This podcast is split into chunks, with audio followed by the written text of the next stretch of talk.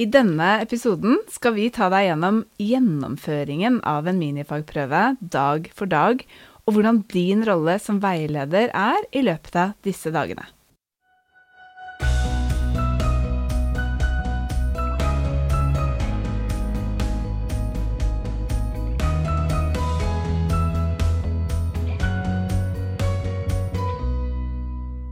Velkommen til denne episoden av Veilederbua.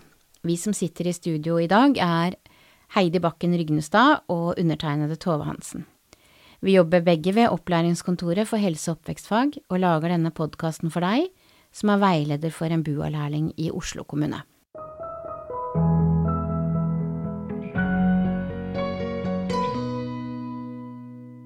Vi har jo allerede i en episode nå eh, snakket om hensikten med minifagprøver. Vi anbefaler jo lytterne våre å høre på den, før man kanskje hører denne. Og så er det jo da episoder om fagprøven. Men denne så tar vi for oss minifagprøven dag for dag. Ja. Så da kan vi jo begynne med den første dagen, da. Dag én. Hva skjer da, Tove? Dag én er jo en skrivedag, eh, og lærlingen skal sitte uforstyrra eh, og jobbe.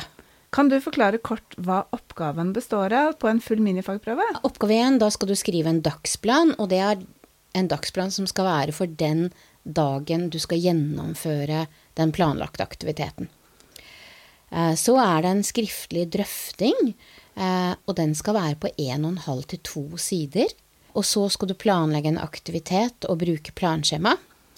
Og til slutt så er det et muntlig fremlegg som skal eh, forberedes. Så da skal altså lærlingen sette seg ned på morgenen på dag én og besvare disse fire oppgavene. Hvor lang tid har lærlingen da? Eh, Lærlingen skal jo levere besvarelsene etter endt arbeidsdag, altså syv og en halv time eh, etter at den fikk utdelt oppgaven. Hvem er det som bestemmer tidsfristen, da? Nei, det er jo den som lager prøven. Veilederen. ja. Ja. Så det er altså du som er veileder som sier at innen det og det tidspunktet i dag, så skal du levere denne besvarelsen til meg. Og i malen som vi har laget for dere i OLK, der kan du sette inn frister. Ja. Hvordan skal egentlig minifagprøven leveres inn, da? Den kan de laste opp i OLK eh, under dokumentasjon. Hva tenker du hvor tilgjengelig veileder skal være? Jeg tenker at man kan være tilgjengelig for eh, spørsmål for å avklare ting lærlingen kanskje ikke forstår helt. Du bør ikke være ute av huset, men være tilgjengelig og til stede for å gi den støtten lærlingen trenger. Ja. Og jeg tenker også underveis så er det litt viktig at du som veileder passer litt ekstra på lærlingen din denne dagen, sånn at han eller hun husker å spise, eh, ta seg noen pauser, og kanskje til og med unne seg noen minutter med frisk luft underveis. Kjempeviktig. Og jeg tenker eh, helt til slutt, eh, den dagen så bør veileder sette av tid til å lese besvarelsen som eh, lærlingen har brukt en dag på å skrive. Så når lærlingen har lasta opp eh, besvarelsen sin i OLK til avtalt tid, la oss si klokka fire, så bør veilederen ha satt av en halvtime, tre kvarter, opp til en time på å lese godt igjennom besvarelsen. Absolutt. Hva skjer på dag to?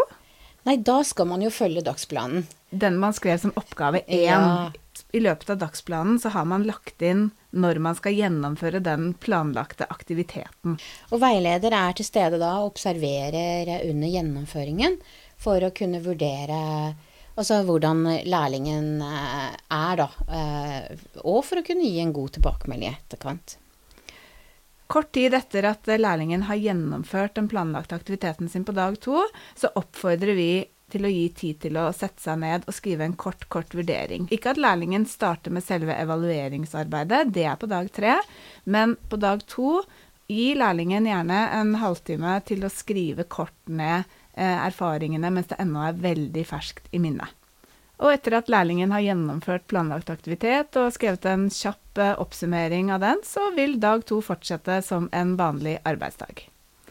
Og da er vi over på dag tre. Dag tre, det er jo ca. en halv dag til skriftlig evaluering av hvordan aktiviteten gikk dagen før. Og den skriftlige evalueringa skal også leveres i OLK til avtalt tid og leses av veileder. Ja, så dag eh, tre må også veileder sette av tid til å lese og forberede seg til eh, det videre arbeidet på dag tre.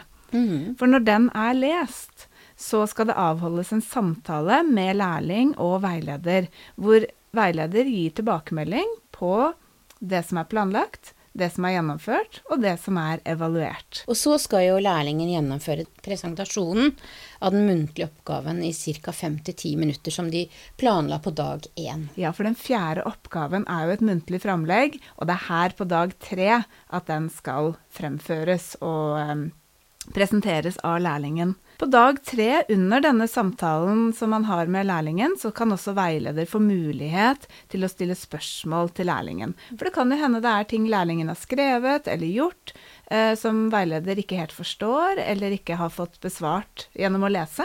Og da kan man bruke litt tid på noen muntlige spørsmål også. Og så starter jo tilbakemeldingen. Ja. Og på en fagprøve betyr jo det at prøvenemnda gir eh, resultatet til lærlingen. Men for dere på minifagprøven så betyr det at dere går i gang med halvårlig vurderingssamtale. Ja, for det er jo vårt eh, tips til eh, alle som skal ha, arrangere minifagprøver og halvårlig vurdering. Det er å legge dag tre på den samme dagen som man har halvårlig vurderingssamtale. For da har man minifagprøven så friskt i minne til man skal sette seg ned og gi halvårlig eh, tilbakemelding. Så for å oppsummere denne episoden, så er dag én Utdeling av oppgave, skriving og innlevering. Og dag to er gjennomføring av planlagt aktivitet og en kort vurdering i etterkant.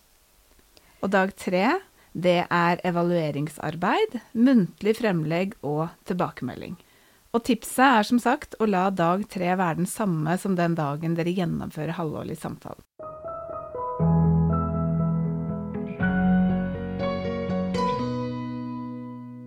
Du har lyttet til Veilederbua. I studio i dag har du hørt Heidi Bakken Rygnestad og Tove Hansen. Du finner støttemateriell til denne episoden i OLK, og har du spørsmål eller ideer til nye episoder, ta kontakt. Husk, vi lager denne podkasten for deg.